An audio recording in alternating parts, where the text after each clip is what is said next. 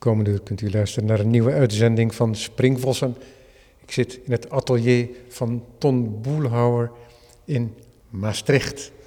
Dankjewel dat je me ontvangt, Ton. Ja, Wij ontmoeten elkaar de eerste keer ter gelegenheid van je mooie solo-tentoonstelling in Museum Bonnefanten. Dat is bijna twee jaar geleden. ja, En daarin had je heel veel ruimte in beslag genomen. ja, En wat eigen is aan jouw werk, je bent schilder, ja, is dat het zich echt verbreidt in de ruimte. ja, Vaak ligt het werk, maar het leunt ook en het staat ook. Soms is het een constructie die zelfdragend is, maar niet altijd. ja, Wij zitten nu in je studio en daar is werk uit één periode te zien. Het ziet eruit als één installatie. ja, Ehm, zo zou ik het ook kunnen Ja. zien natuurlijk. Ja. En daar leent het zich ook goed voor. Maar tegelijkertijd onderscheid jij in wat hier over de vloer van jouw studio is verbreid. eh, zie jij ook als verschillende werken, onderscheiden werken. Ik zal even beschrijven dan waar we nu naar kijken. Ehm, het zijn aluminium stroken en soms eh, kleine aluminium eh, profielen. Soms combineer je die en die zijn beschilderd. ja. Wanneer ben jij begonnen met het schilderen op aluminium en wanneer heb jij het doek verlaten? Dat zijn twee verschillende vragen. Ja, ehm, sowieso heb ik nooit op doek geschilderd. Helemaal in het begin Eh, wel. Heel in het begin, Weet- weet ik dan toevallig toen, toen, ik, toen ik in Londen zat, Ja. in de periode 82, 83, waar het af en toe eh katoen die ik gewoon tegen de muur aan niette. Maar ik ging toen al heel snel op hout schilderen. De reden daarvoor was dat ik heel makkelijk een houten paneel in een bepaalde vorm kon zagen, waar ik vervolgens op door kon schilderen. En op hout ben ik tot ongeveer 1986, 1987 blijven schilderen. Toen ben ik eerst overgestapt op eh, metaal en op glas.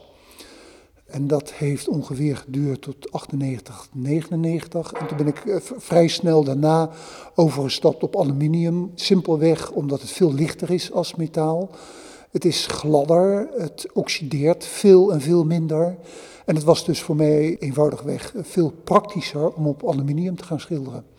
Het heeft ook een heel andere glans. Ja, Ook, het is eh, veel immateriëler. Ja, aluminium heeft een hele mooie glans, vind ik. En het is immateriëler nogmaals dan, dan metaal of iets dergelijks. En eh, het is glad, nogmaals. Ja, daar kan ik goed mee werken. Tegelijkertijd is het ook zo dat aluminium, de verf hecht zich aan het materiaal. Maar ik kan me voorstellen dat je er ook heel gemakkelijk Ja. van af kunt Ja, tikken. Ja, het is heel makkelijk met tinner of met afbijt er vanaf te halen. En dat vind ik ook het fijne. Dan begin je weer echt met een schone lei aan het oppervlakte. Hè, dus er zitten nooit eh, resten van eerdere eh, pogingen en dergelijke. Je kan iedere keer weer volkomen schoon en opnieuw beginnen als je alles ervan afhaalt. En dat vind ik heel prettig aan aluminium. Zodat je dus geen oude resten hebt, geen oud eh, geworstel. Nee, je kan gewoon gelijk weer hartstikke fris met de kwast er tegenaan. Dat heb ik heel sterk bij die vloeren gedaan, wat je toegezien hebt. Het schilderij als object dan Ja. ook. En in dit geval ook het schilderij niet als één object, Ja, maar als een samenstel Ja. van delen ja, die elkaar niet eens per definitie hoeven te Ja. raken. ja, Waardoor je de drager, in dit geval dan de vloer, ja, bij het werk waar we nu op uitkijken, deel wordt van het werk. ja. Ik vind het heel belangrijk dat de beschouwer kan bewegen, mm, simpelweg zelfs met het werk mee. Dus dat er een soort ritme in de ruimte gaat ontstaan, waar je als beschouwer deel van wordt, waarbij dat werk zelfs buiten je, eh, buiten je gezichtsveld doorgaat. Je, eh, wat heel belangrijk is, wordt dan ook de herinnering. Je loopt door het werk en in je herinnering ontstaat in feite dan de voorstelling van het complete werk. Zonder dus dat je het hele ding in één keer zou kunnen pakken. En dat vind ik een heel prettige manier van omgaan met de wereld, met de dingen om je heen. Het is een manier die ook uitnodigt, die mij ook Ja. uitnodigt als niet-schilder, Ja. om ehm, jouw blik te volgen. Hè? Want het nodigt er ook toe uit om te bedenken hoe jij, Ton Boelhouwer, door de openbare ruimte beweegt en Eh, de ja. dingen ziet. Want de hele wereld bestaat uit objecten, delen, al dan niet gekleurd. Ja, Alleen is het zo dat jij in jouw studio daar meer controle op uitoefent natuurlijk. En daarbuiten is het je blik die selecteert. ja, En hierbinnen maak je ook. ja, ja, precies. Ja, er zit een soort eh, verspreiding in van intensiteiten, noem ik het altijd. Waar je blik en waar je bewegen langs heen kan gaan. En waarbij vooral in de ervaring het werk zich vormt. En dat volgt dan een bepaald ritme. Maar het eigenaardige is, je hebt het over controle. eh, dat ritme kan zich ook bijna buiten een eh, controle a priori eh, gaan bewegen, gaan ontwikkelen. En dat vind ik eigenlijk wel het allerspannendste tijdens het schilderen. Dat er dus dingen gebeuren, dat je zegt van nou, dit, dit paneel moet ik even omhoog tillen, moet ik van zijn eh, grond afhalen en ik moet het in ieder geval eventjes verschuiven.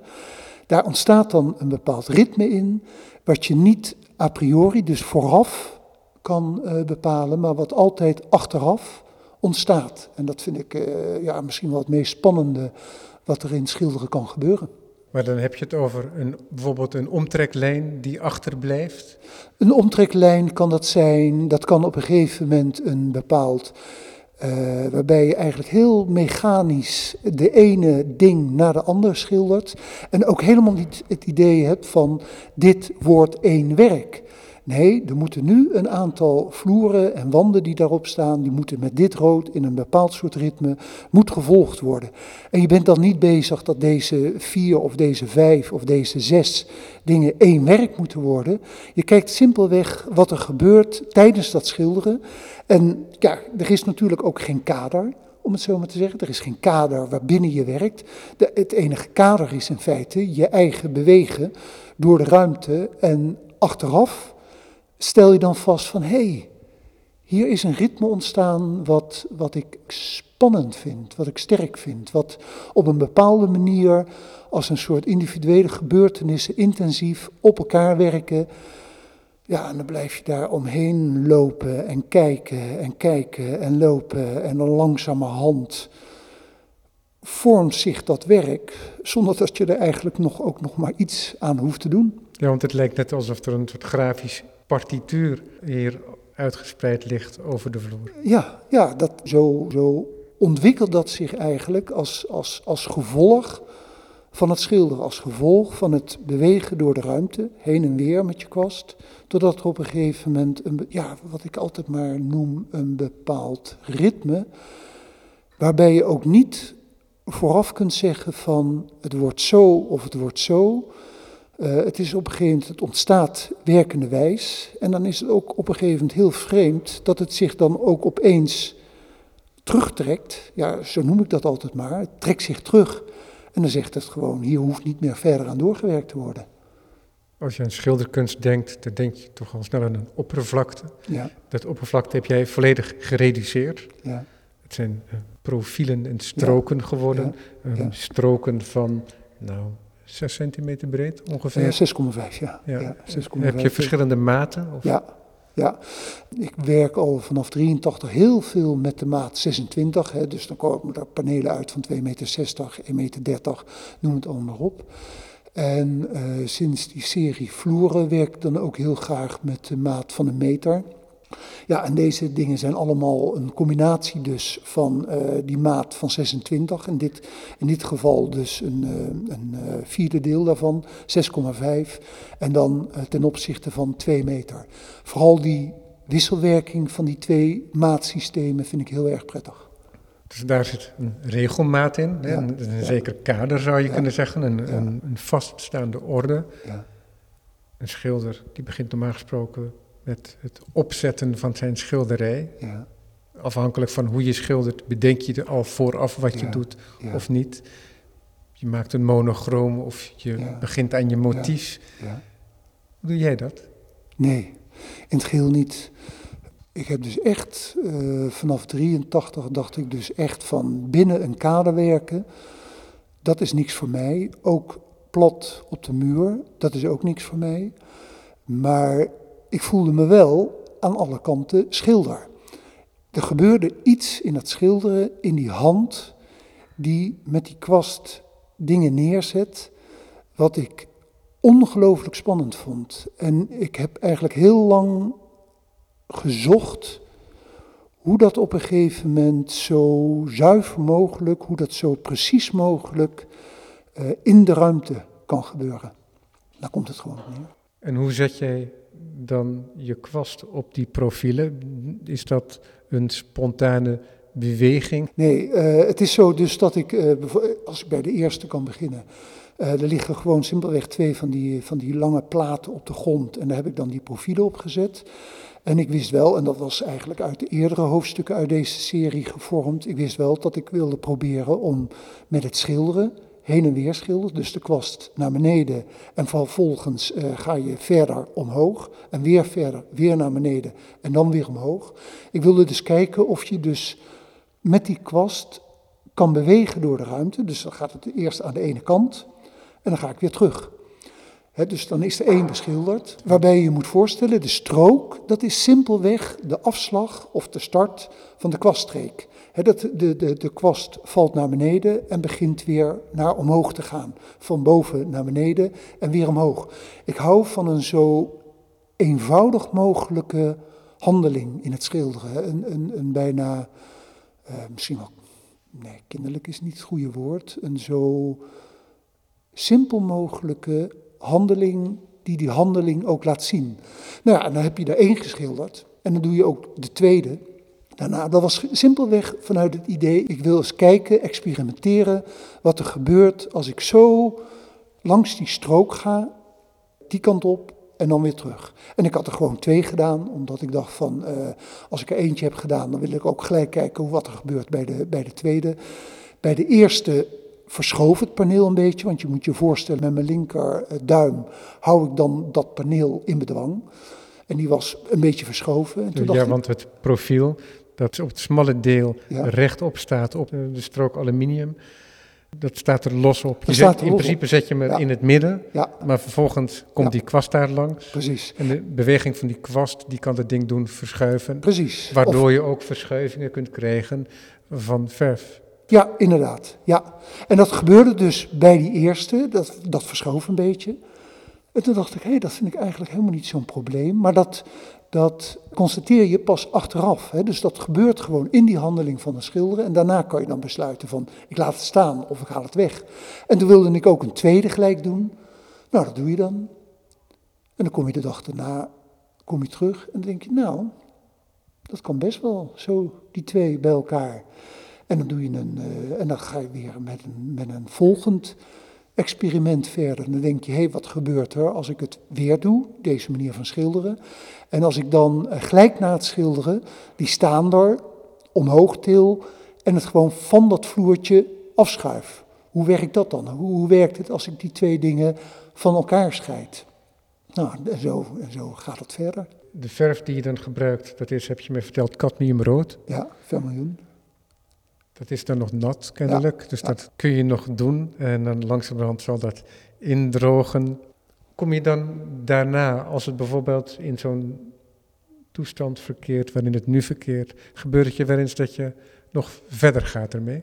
Of dat je denkt dat je hebt geaccepteerd dat het een werk is, maar dat het naarmate je verder werkt aan andere dingen die daarnaast liggen, dat het op een gegeven moment opgenomen wordt weer in een ander werk? Nee, dat is in dit hoofdstuk nergens gebeurd. Dit heb ik echt allemaal bang, bang, bang achter elkaar geschilderd, uh, zonder enige verbetering, zonder enige uh, verandering. Dat deed ik wel in de hoofdstukken hiervoor. Uh, maar daar vond ik het uh, op een gegeven moment zelfs te makkelijk worden om weer met een laag eroverheen te gaan en weer met een laag eroverheen te gaan. In dit specifieke hoofdstuk van deze serie wilde ik kijken of ik zo direct mogelijk door de ruimte kan bewegen, Zonder daar nog een keertje overheen te gaan. Dus alles is hier gewoon simpelweg bang, bang, bang, bang, bang achter elkaar gedaan. Ja, en je probeert niet het profiel en de strook in één keer volledig te bedekken. Dus het is niet zo dat je terugkomt op je strook om een volledig rood te maken.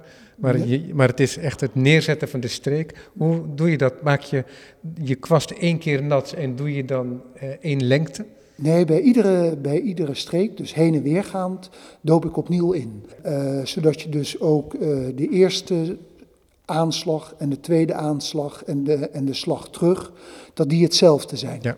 Ik zit er nu al over te denken om dat inderdaad één keer in te dopen en dan gewoon heen en weer te gaan. Kijken hoe dat werkt. Je kan net zo goed zeggen van ik doe die slag van boven naar beneden niet meer en ik breng het gelijk terug. er zijn een aantal mogelijkheden nog in die ik wil, die ik wil onderzoeken. Het is heel elementair. Zo. Het is, nou ja, ik wil het zo eenvoudig mogelijk houden. Ook om de, om de handeling van het schilderen ook heel bepalend te maken hoe ik, hoe ik door die ruimte heen beweeg. Zodat het niet verdoezeld wordt door allerlei andere dingen. Dat dat heel scherp bijna een soort lopen, een soort bewegen wordt door de ruimte. Vanuit dat schilderen. En ja, in feite heb ik dat altijd gedaan, want je refereerde nou net naar die, uh, naar die gele wanden uh, die ik gemaakt heb. En dat was ook ja, een dus voorafgaand aan het gesprek was dat ja. dus voor de luisteraar. Ik heb in de vooraankondiging een beeld gebruikt van een installatie die je hebt gemaakt voor het gemeentemuseum Den Haag. Ja. In 2007 was dat. Ja, en dat zijn twee wanden die tegenover elkaar staan, maar dat is dan een voet en een wand. Een vloer. En een, dus een vloer en een wand op elkaar aangesloten. En die staan tegenover elkaar met een kleine tussenruimte. Enorme platen aluminium, waarop je heel genereus de gele verf bent aan gaan brengen. Je ziet nog steeds aluminium ook doorheen. Je ziet de streek. Dus het is niet zo dat je dat bent gaan opvullen. Je wilt dat het open blijft. Dat het levend blijft, zo je wilt. Maar dat het niet puur pigment wordt, puur verf. En daar kun je omheen lopen als bezoeker. Het ziet er prachtig uit. Ik heb het niet in het echt gezien, maar de foto's die zien er fantastisch uit. Maar dat is het werk waar je nu in refereert. Uh, daar was het dus ook zo dat voor mij die handeling alles bepalend is. Het is dus niet zo dat ik beslis het moet geel worden. Ik had wel natuurlijk wel het idee in mijn hoofd van uh, geel. Je moet nu eenmaal een bepaalde kleur kiezen. Maar het ging mij er echt om om van boven naar beneden en dan van links naar rechts een handeling te verrichten die zo eenvoudig mogelijk is. En dan krijg je dus ook een beweging. Je krijgt een beweging van boven naar beneden en van links naar rechts. En dan doop je weer opnieuw in en dan ga je weer van boven naar beneden en van beneden naar boven. En je, je beweegt dus met die kwast van links naar rechts. Misschien wel zoals een huisschilder het doet. Maar dan dus niet dekkend, niet met het idee van het moet een gele deur worden of het moet een gele wand worden. Nee, echt vanuit het idee van ik wil ook dat die wanden ademen, ik noem dat een soort ademen. En alleen met die handeling van schilderen um, uh, krijg je die adem, vind ik, in de, in de verf, in de kleur ook. En dat is nog wel inderdaad oppervlakte. Ja. Als mensen ja. een schilderkunst denken, ja. zijn we wel het een en ander gewend, maar dat is toch heel duidelijk oppervlakte.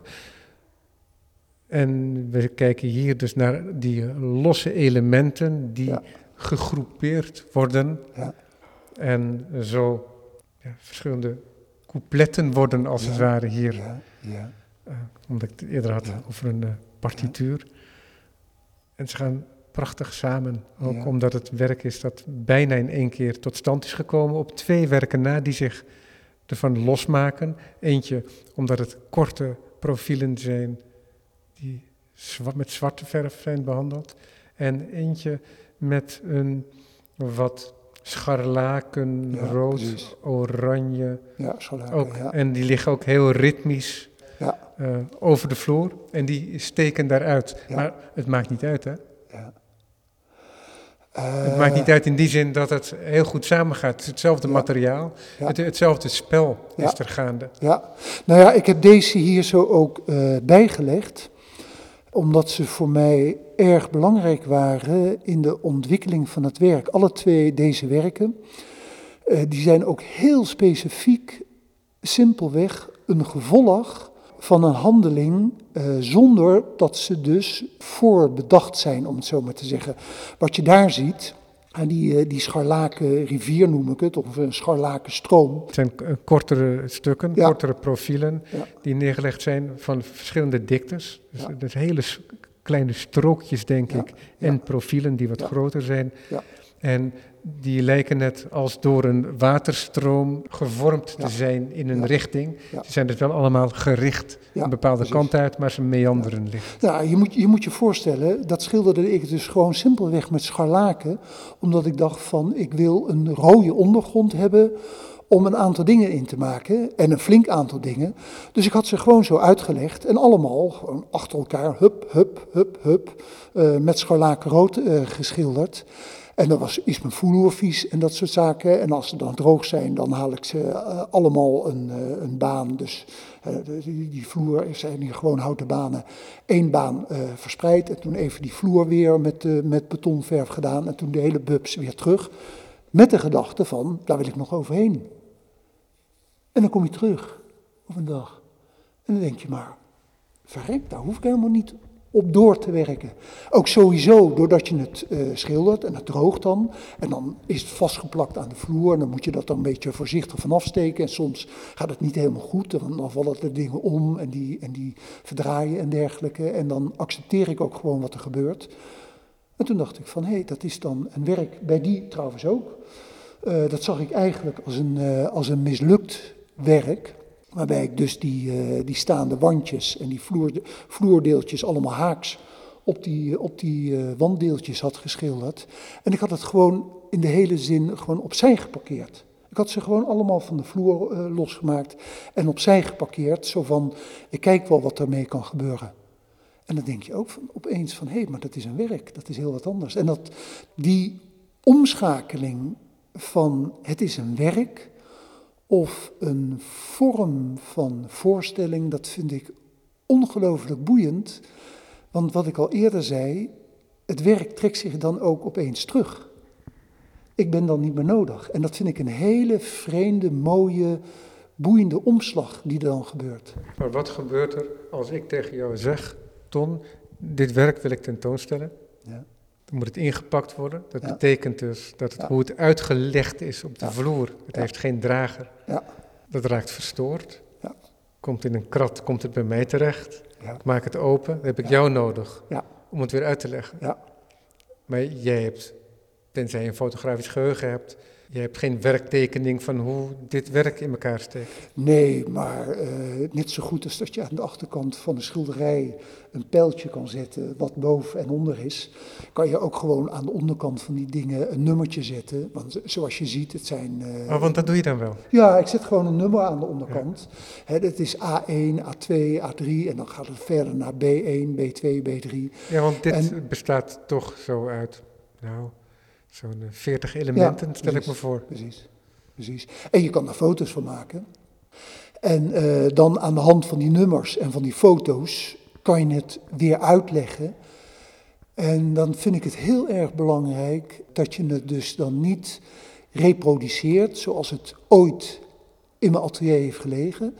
Maar dat je dan gewoon simpelweg kijkt naar de ruimte en de aard van het werk aanvoelt. En dan kijkt of je die stroom, rood, in die ruimte weer kan krijgen. En dat lukt meestal, vind ik, vrij aardig. Die expositie die je in de Bonnefante bijvoorbeeld zag, dat was ook een groot werk uh, wat dus in dit, in dit atelier was opgesteld. En het was een totaal andere ruimte. Er zat een binnentoren in, het was echt een compleet andere ruimte. En dan vind ik het ook weer heel spannend om te zoeken of je dus de, de, de geest van het werk weer terug kan krijgen en tegelijkertijd dat het in, in relatie gaat met die ruimte. En dan moet je echt gewoon dingen totaal veranderen inderdaad, tijdens het uh, installeren. Ja. ja, want er zijn, eh, als we dan naar die tentoonstelling teruggaan in het Bonnefante, zijn daar ook werken, er liggen enorme platen op de grond ja. en veelkleurig. Ja. En daar konden we dan langslopen, Ja. zodat we het werk echt van bovenaf zagen. En het Ja. pakt het licht van boven plat op, Ja.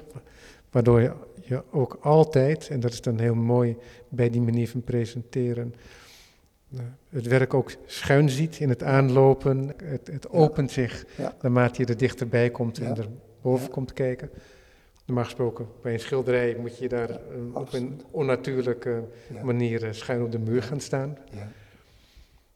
Kijk, dat werk, dat spreekt voor zich Ja. als een schilderij.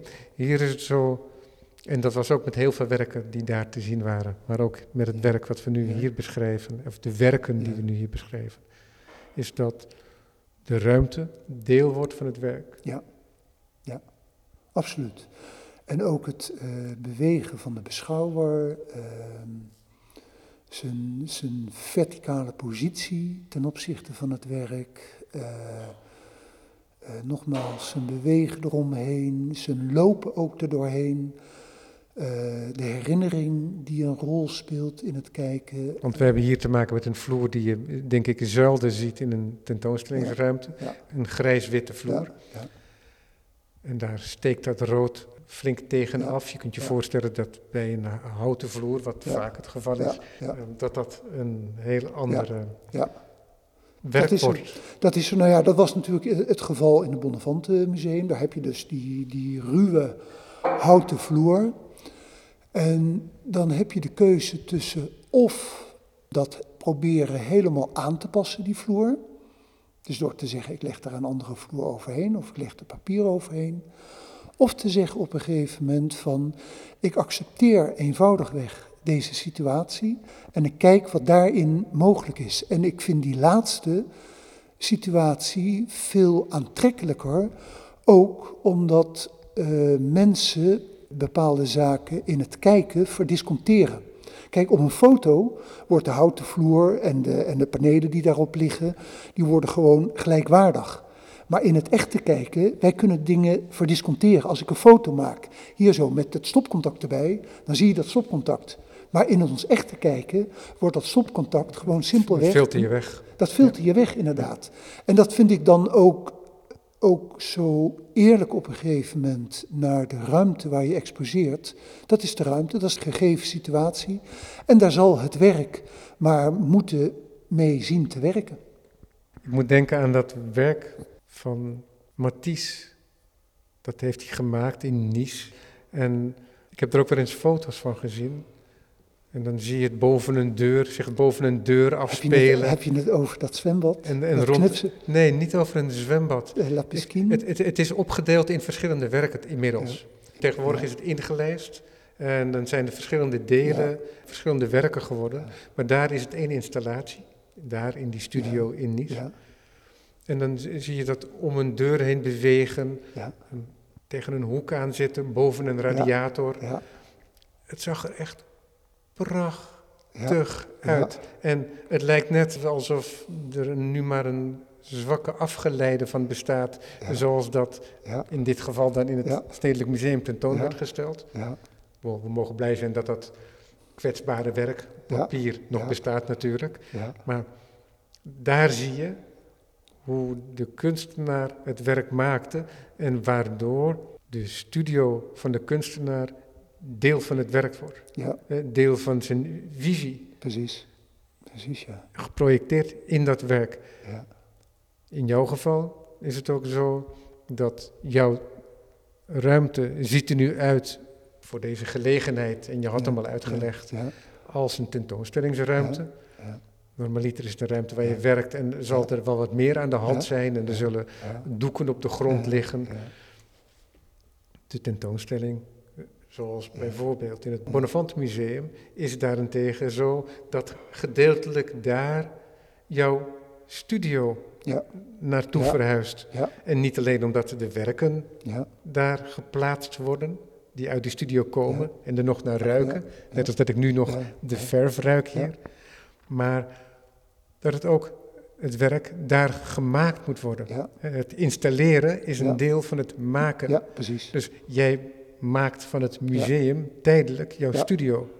Dat vind ik ook de, echt de allergrootste uitdaging. Om te kijken of het werkende van het werk, dus het continu blijvend werken van het werk, of dat ook in een presentatie met alle aanlichting, met alle show die altijd inherent is aan een, uh, aan een museum, aan een tentoonstellingsruimte, aan de witte ruimte en dergelijke, of het werkelijk werkende, en dan heb ik het echt over het puur menselijke van de kwast en het puur menselijke van het verschuiven van de dingen door de ruimte, of je dat dus ook in een tentoonstelling kan krijgen. Of je dat op een bepaalde manier dus heel dichtbij kan krijgen. Dat vind ik misschien wel het meest spannende, om te kijken of je dus dat vreemde menselijke schilderen zo dichtbij mogelijk kan brengen.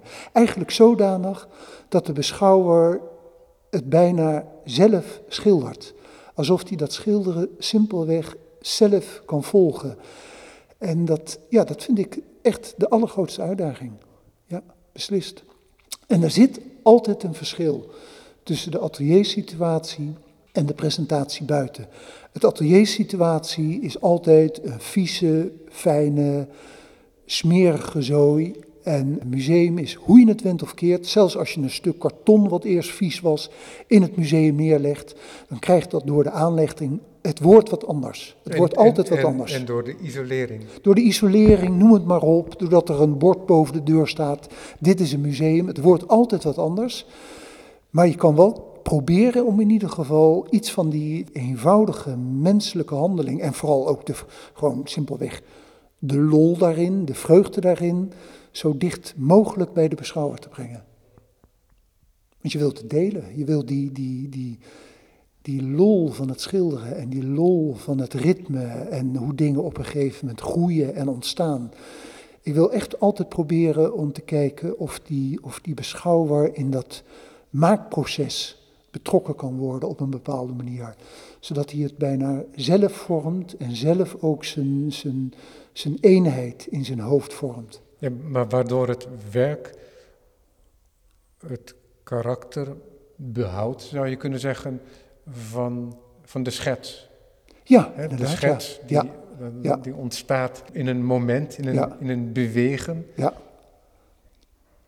Ik denk, kijk, uh, schetsen en schilderen, uh, ik zie het bijna als het simpelweg als hetzelfde. Het is altijd weer een menselijke handeling die vanuit bijna niets van A naar B gaat en dan denkt van, is het wat of is het niks?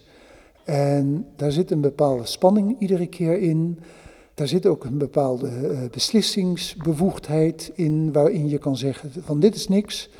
En hier gebeurt iets in waar iets anders misschien gebeurt als wat ik had kunnen bedenken, laat ik het zo zeggen. Ja, misschien is dat wel het meest belangrijke.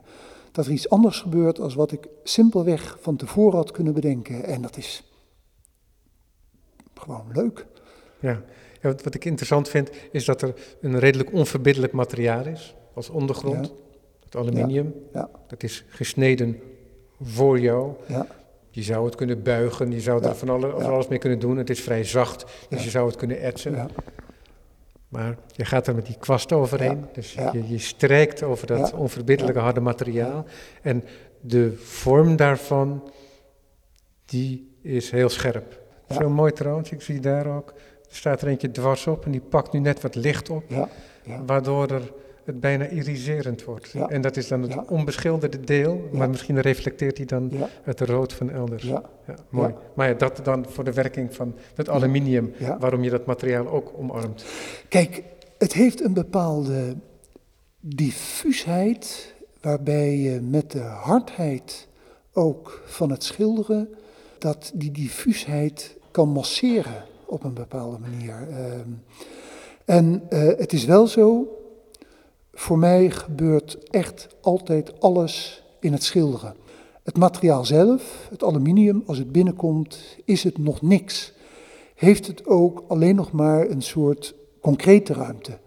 Juist door het schilderen ontstaat er voor mij een bepaalde, ja, ik noem dat altijd maar een imaginaire ruimte. Hoewel ik die twee dingen niet heel scherp tegenover elkaar wil stellen hoor, concreet en imaginair. Maar in het schilderen ontstaat er een ruimte die echt alleen maar in de ervaring van het kijken kon ontstaan. En die dus niet alleen maar de concreetheid van het lichaam heeft, of de concreetheid heeft van de specifieke maat. Door het schilderen krijg je een andere maat dan de concrete maat van, in dit geval 6,5 bij 2 meter. Ja, maar je zoekt ergens een contrast tussen dat industrieel geproduceerde Ja. materiaal, dat er ook Ja. duidelijk industrieel uitziet. Ja. Dat is verf in- inmiddels ook natuurlijk.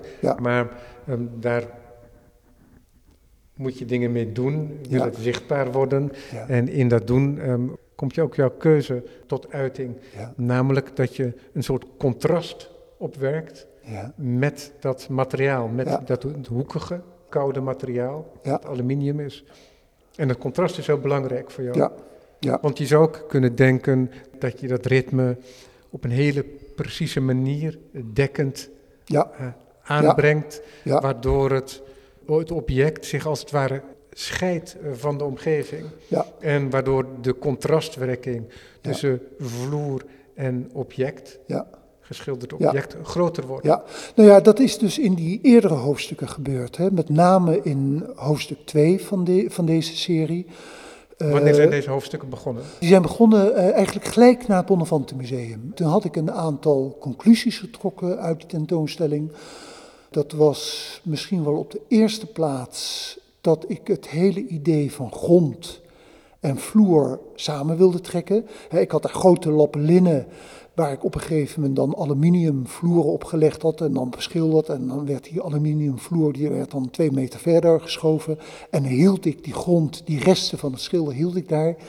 En ik dacht op de eerste plaats wil Dus, ik die... dus de lin, het linnen was deel van de installatie ja. dan? Ja, linnen was deel van de installatie. En ik wilde dat idee van grond, vloer op een bepaalde manier samentrekken.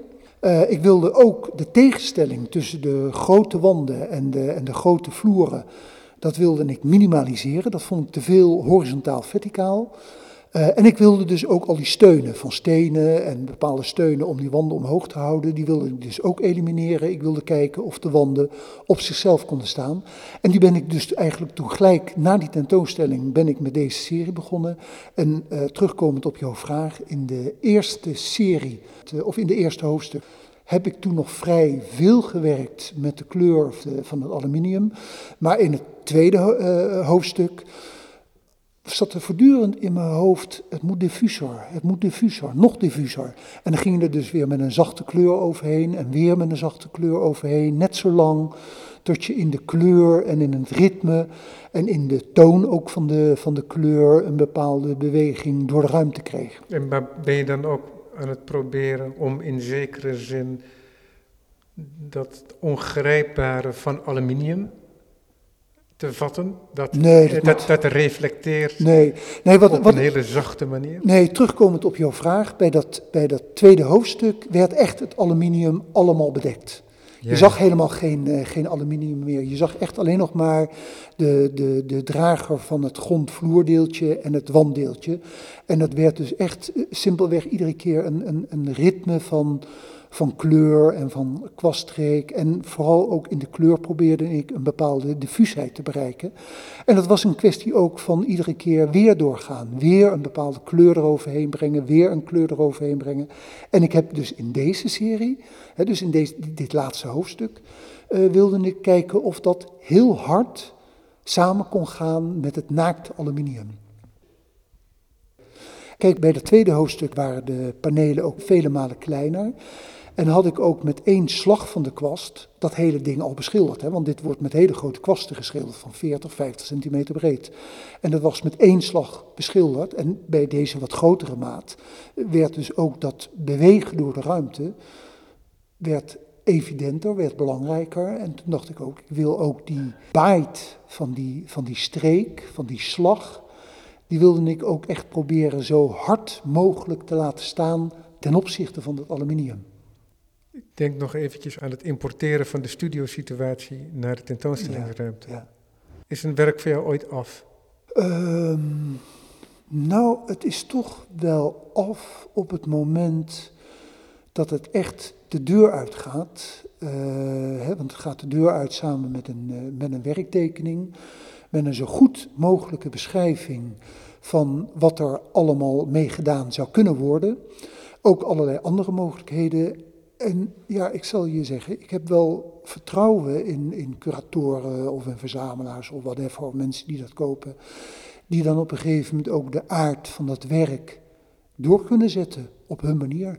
En dan is het dus in ieder geval voor mij af. Kijk, en het is natuurlijk ook zo. Ja, maar je probeert het zo lang mogelijk uit te stellen, lijkt wel. want je hebt, er, je hebt er heel veel plezier in, dat zie ik ook aan je, als je erover spreekt, om zo'n werk weer opnieuw op te zetten. Dus een werk wat al gemaakt is in je studio, vervolgens weer verzameld moet worden als, laten we zeggen, Mikado-stokjes bij elkaar, zorgvuldig verpakt. En dat spel, dat laat je dan niet vervolgens weer zomaar vallen. Maar dan ga je in je geheugen graven en tegelijkertijd ben je het werk weer opnieuw aan het herscheppen. Dus in die zin zijn die elementen die dat werk vormen ook spelstenen voor je. Ja, inderdaad. En leg je weer een spel uit. Ja, precies. Maar ik vind ook, daar moet ik ook praktisch in zijn. Uh, je maakt steeds meer werk, je gaat steeds verder en je kan niet met werk van vijf of zes jaar je geleden je continu mee blijven bemoeien. En ik moet ook zeggen, uh, uh, ik heb al zo vaak meegemaakt dat mensen iets begrijpen van het werk, waardoor ze het in een hele andere situatie toch ook op hun manier spannend kunnen neerleggen. Ik vind ook dat je het vertrouwen moet hebben in, in, in het publiek en in uh, curatoren en noem het allemaal maar op, die dat werk verder brengen. En dan wil ik ook op een gegeven moment gewoon daar simpelweg ook afstand van nemen. Kijk, en op het moment dat je dan gevraagd wordt om het, uh, om het weer opnieuw te doen, uh, met ontzettend veel plezier. Maar ik vind ook dat je een uh, vertrouwen moet hebben in de mensen die het op een gegeven moment aankopen of weet ik veel, die daarmee verder gaan. Ik had ooit een, een, een, groot werk verkocht aan verzamelaars en dat waren zes dozen. En dat had ik daar keurig in dat appartement op de manier uitgelegd zoals het volgens mij goed lag. En ik geloof dat ik een jaar later op bezoek kwam en ze hadden het totaal anders neergezet, die zes dozen. En dat was ook goed.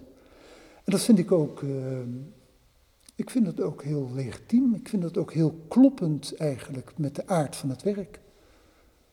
Kijk, je kan het natuurlijk ook helemaal verknallen, dat begrijp ik ook wel. Maar op het moment dat er, uh, dat er iets begrepen wordt van het werk, dan, dan kan dat ook door anderen gedaan worden. Dan kom je heel dicht bij het punt dat je een kunstenaar bent, een maker bent die een voorstel doet en mensen de elementen geeft waarmee je dat voorstel doet. Ja. En dat je het vervolgens loslaat. Ja. En traditioneel gezien zien wij een kunstenaar toch iemand die iets maakt of iets denkt van mijn part, als we de conceptuele kunst erbij willen betrekken. Ja. En die openheid die met jouw werk verbonden zit, is op zich op zijn minst wonderlijk. Nou, ik vind het altijd al zo wonderlijk hoe schilderen altijd een evenwicht zoekt tussen datgene wat je kan bepalen en datgene wat je toevalt. Dat is iets heel wonderlijks in het schilderen zelf. je kan zeggen van ik werk nu met rood en ik werk met deze maatkwast en dan wordt deze beweging en dan wordt deze richting wordt ingezet. Maar vervolgens gebeuren er dingen in het schilderen die je van tevoren echt niet had kunnen bedenken. Ja, want jij geniet echt van het contingent, hè? De, de, de toevalligheden die ontstaan. Precies. Er is dus altijd een soort evenwicht tussen datgene wat je kan bepalen en wat simpelweg onbepaald is. Ja ik vind het ook heel interessant om te kijken of dat op een bepaalde manier ook buiten de maker om uh, voortgezet kan worden via het werk. Uh, ik vind het zelfs interessant, juist, dat die maker uh, er niet is. Dat het dingen zijn die in de ruimte liggen, waar de beschouwer of wie dan ook daar weer een ding mee maakt wat de oorspronkelijke aard van het werk kan volgen, zonder dus dat het letterlijk en hard en precies en dogmatisch weer op die manier teruggelegd moet worden. Want kijk, de afstand tussen deze panelen wordt dus gewoon simpelweg bepaald door die vloerdelen van mij hier zo. de vloer van mijn atelier, dat zijn, die zijn ongeveer 59,5, die vloerdelen. En dat zijn mooie rechte lijnen, die zijn ook nog het meeste uh, goed strak. En dat heeft eenvoudigweg de afstand tussen die dingen bepaald. Maar ik kan me heel goed voorstellen dat in een andere context en in een andere ruimte er een andere tussenruimte wordt gevonden tussen die, uh, tussen die delen. En ik ben er ook van overtuigd dat het dan kan werken. En omdat je dat ook natuurlijk al hebt ervaren bij een aantal uh, tentoonstellingen. Wat je vertelt in het Bonnevante Museum, een van de laatste werken daar zo. Dat was een enorme installatie. En er was gewoon geen ruimte genoeg voor. En toen hebben we besloten om een heel aantal panelen er gewoon uit te laten. En het ook op een totaal andere manier neer te leggen als dat het hier in mijn atelier uh, gegroeid was. Geef je wel eens titels mee aan het werk? Uh, ik geef altijd titels uh, aan het werk.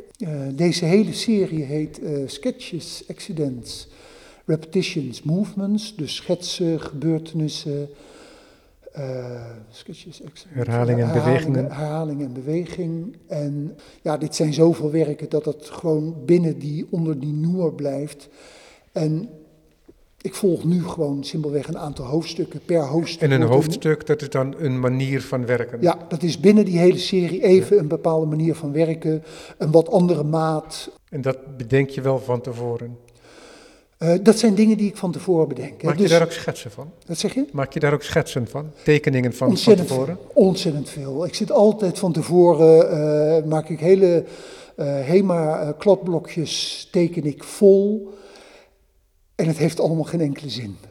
Het is meer een soort mentaliteit wat je dan voorstelt. En dan moet je je ook voorstellen, dat zijn ook een soort ruimtelijke schetsen. Dus ik probeer het me dan al een beetje ruimtelijk voor te stellen.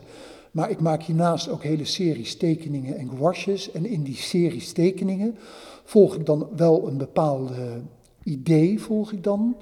Maar dat zie ik dan dus echt als een soort mentaliteitsoefening voor zo'n uh, nieuwe serie schilderijen. Beschouw je dat ook als werk? Ja, beschouw ik werk, ja. Verrassend ja, ook. Ja, ja. Nou, het, het, heeft te maken met een soort uh, mentaliteitsoefening die je doet terwijl je met iets anders bezig was. Terwijl ik dus met die tentoonstelling in de Bonnefante bezig was, had ik al ideeën voor deze hele nieuwe serie. En dan begin je gewoon een serie tekeningen. ook omdat je dat snel thuis even kan doen. En in het weekend en s avonds en dat soort dingen. En dat kan je dan nou eenmaal niet doen terwijl je met die tentoonstelling bezig bent. En, en met de afwerking, met de kisten maken en dat soort dingen. Notitie voor een toekomstig ja, werk. Dat, dat, is gewoon, dus dat zijn notities voor toekomstig werk. Het zijn gewoon een soort mentaliteitsoefeningen die je dan doet. En uh, die zijn dus tweeledig. Hè. Je hebt dus die schetsblokjes, die, die HEMA-blokjes, waarbij ik de dingen altijd in de ruimte schets. Nou, ik was uh, voor jouw komst was ik bezig, hier zo. Ja, precies. Dat, dat soort dingen doe ik dan. Grijs papier. Grijs papier. En dan zit ik daar een beetje op te, op te, op te uit te proberen. En dus daarnaast die series tekeningen die ik veel zelfstandiger zie, maar wel als een mentaliteitsoefening. En dat was gewoon de, de oefening van een rechte lijn en een andere lijn daarnaast. Ik, eh, het ligt hier zelfs, de stapeltekeningen. Ik heb het aan andere mensen laten zien. Ik zou het je straks even kunnen laten zien hoe dat werkt. Maar dat is, dat is iets wat je kunt doen terwijl je andere zaken aan het doen bent. Ja, ja, ja. Dus het is echt meer een soort handeling. Um, een handeling, ja, het is meer zo dat je ja, want je noemt, het, je noemt het een mentale exercitie, maar tegelijkertijd met die combinatie. Maar het gaat er niet om dat je volledig geabsorbeerd wordt door de handeling. Want je bent ook iets anders aan het doen. Nou, kijk, ik ben op het atelier met deze schilderijen bezig. Het is er eigenlijk door begonnen, uh, doordat ik op een gegeven moment weer langer aan een werk bezig was. Op een gegeven moment, 98, 99, was ik echt met die grote bakken die aan de muur hangen dat was vaak in één dag één werk. En uh, daarna bij de podia werkte ik langer aan een werk, hè, dus een aantal maanden. En dan uh, vind ik dat heel spannend. Maar ik vind het ook spannend om dan s'avonds misschien al te anticiperen op dingen die daarna komen. Daar al over na te denken, wat, wat daarin kan gebeuren. En dan maak ik dus die series tekeningen en gouaches. Wat interessant is, vind ik ook aan jouw werk, is dat een soort uiterste consequentie is voor zo'n ontwikkeling eh, die al heel vroeg in de 20e eeuw zich heeft ingezet. Ja. Dat er een afscheid werd genomen van het kader, Ja. van de Ja. symbolische ruimte. Ja. En bij jou is het zelfs bijna zo dat er afscheid wordt genomen van het object. En er is niet één object. Er zijn, Nee. je ziet het werk, Ja. maar het werk valt ook altijd weer uiteen in zijn Ja, delen. precies. En Precies. heel vaak, niet altijd, is het ook zo dat die delen elkaar niet eens raken. Ja. Dus Ja. ze worden met elkaar verbonden Ja. door de ruimte waar Ja. ik als bezoeker me Ja. ook in begeef. Ja. En waar Ja. ik op loop in dit geval zelfs. En dus in die zin eh, delen ze mijn ruimte. En is Ja. het niet zo dat ehm, ik uitgenodigd word om naar een andere ruimte te kijken. Nee, precies, precies. Je, je blijft in een bepaalde ruimte waar zich een ritme ontwikkelt. En in dat ritme kan je meegaan. Hè? Eh, Langs die verschillende panelen kan je meegaan in dat ritme. En dat vind ik zelf een van de mooiste ontwikkelingen die je als beschouwer of als maker kan volgen. Het is ook een principe wat in de schilderkunst een hele belangrijke Ja, rol Ja. inneemt. ja, ja, ja, beslist. Beslist, ja. Net als de voorgrond en de achtergrond. Alleen is de achtergrond dan in dit geval Nee, geen, geen canvas. nee, nee, Hè? nee. Nee, weet je, mijn, mijn hele idee was eh, vanaf 82, 83, om die figuur te isoleren. Ja. Die figuur los te maken van zijn grond in feite. Die figuur, kijken of je alleen maar de figuur kan schilderen. En ehm, eh, nou, dat was in 1982 zo'n uitgeknipt zwart vaasje. Maar ik zat ook gelijk vast toen. Toen ik dat had gemaakt, zat ik gelijk vast.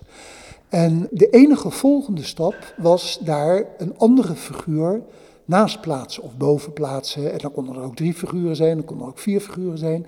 En ik was voortdurend bezig met te onderzoeken hoe nou die lege ruimte tussen die verschillende figuren zich verhield tot die figuur zelf. Totdat ik er op een gegeven moment achter kwam dat die lege ruimte, of dat niet zijn, hoe je dat ook kan noemen, in feite in de figuur zelf zit. Dus in het schilderen zelf. Dus het is geen scheiding van figuur en grond, of tussen eh, iets en niets, of tussen eh, lege ruimte en het ding. Het ding zelf, is, daar zit al het niet-ding in. In het schilderen, in de handeling van het schilderen, zit al het niet zijn in. Die twee zaken zijn volgens mij niet gescheiden en zijn volgens mij ook niet tegengesteld. Om het maar breder te trekken, de tijdloosheid zit in de tijd en niet er tegenover. En daarom zie ik dus ook de lege ruimte tussen deze panelen als volkomen anders als de lege ruimte in die vier, vier luiken en zes luiken en acht luiken, waar ik voortdurend bezig was, hoe verhoudt zich nou eigenlijk die lege ruimte ten opzichte van die panelen? Deze lege ruimte is gewoon om doorheen te lopen en de, en de dingen te zien. Die lege ruimte is wel inderdaad om de dingen uit elkaar te trekken, van elkaar los te maken, zodat er eigenlijk onafhankelijke tonen ten opzichte van elkaar ontstaan. Hè? Zoals in de muziek de ene toon ten opzichte van de andere toon.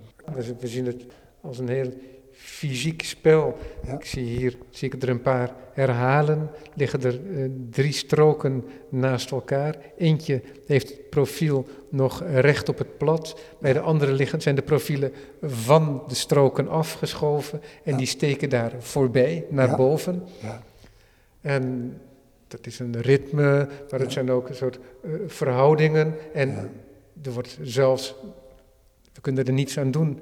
Het hoofd gaat zijn gang, er wordt zelfs beweging gesuggereerd ja, daardoor. ja. ja, kijk, ik vind beweging ontzettend belangrijk in eh, schilderkunst. En dan heb ik het over de beweging van het kijken en het bewe- de beweging van het kijken langs de dingen. En dan vind ik het, eh, dan kom je misschien wel tot de kern van schilderkunst. Dan heb je het over de massage van tijd. Eh, dat vind ik het meest spannende aan, eh, aan schilderkunst. Anders als muziek, wat natuurlijk ergens begint en ergens eindigt, kan je in schilderen kan je de tijd ro- rondjes laten draaien. Het begin is hetzelfde als het einde en met alle fluctuaties daartussenin. En ja, dat vind ik En er is een gelijktijdigheid, omdat wij de zaal overzien. We kunnen, we, kunnen de, we kunnen het werk overzien. Ja. Je kan naar het begin kijken, bij spreken naar de eerste laag. Je kan kijken naar de vierde laag, naar de zesde laag, waar misschien de eerste laag nog doorheen schemert.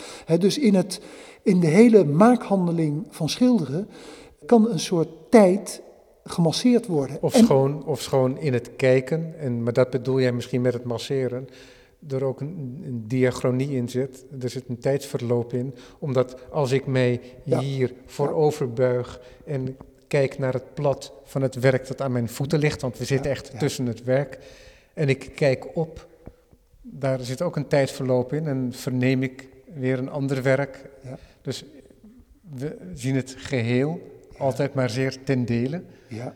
En als Ja. we een deel zien, dan raakt het geheel uit het zicht. Het geheel vormt zich op een gegeven moment in de ervaring van het kijken in je hoofd. Ja, dus anders dan het overzicht over het schilderij, waar je op een gegeven moment een bepaalde afstand van kan nemen en het hele ding kan overzien, is in dit geval blijf je dus voortdurend in de ervaring van het kijken, van moment naar moment, vormt zich hopelijk die voorstelling in je hoofd. En In we plaats- nemen het dan als kijker vervolgens mee naar huis, zoals kunstenaar Navi Noer laat zei. Ja, Ton ja, Bolauer. ja, oké. We zijn aan het Hey, einde van het All right, oké.